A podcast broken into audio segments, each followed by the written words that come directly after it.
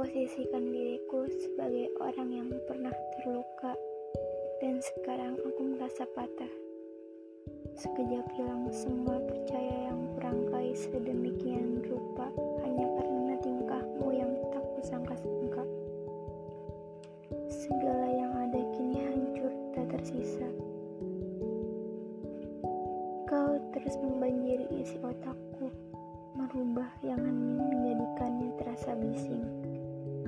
Hingga perlahan air mataku mengering sebab kita merasa begitu asing. Aku mulai nyaman bersandar pada dinding, sembari mengumpulkan ingatan berupa puing-puing.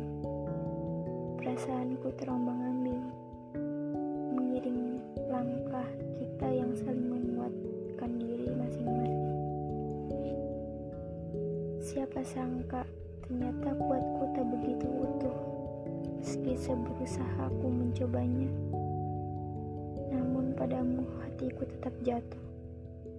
Sebelum langkahmu terlalu jauh, aku rela bersimpuh menyerah pada rindu. Aku tak bisa mematikan sesuatu yang seharusnya tumbuh. Kemarilah, jika kau ingin membasuh, asal pastikan niatmu bersungguh-sungguh.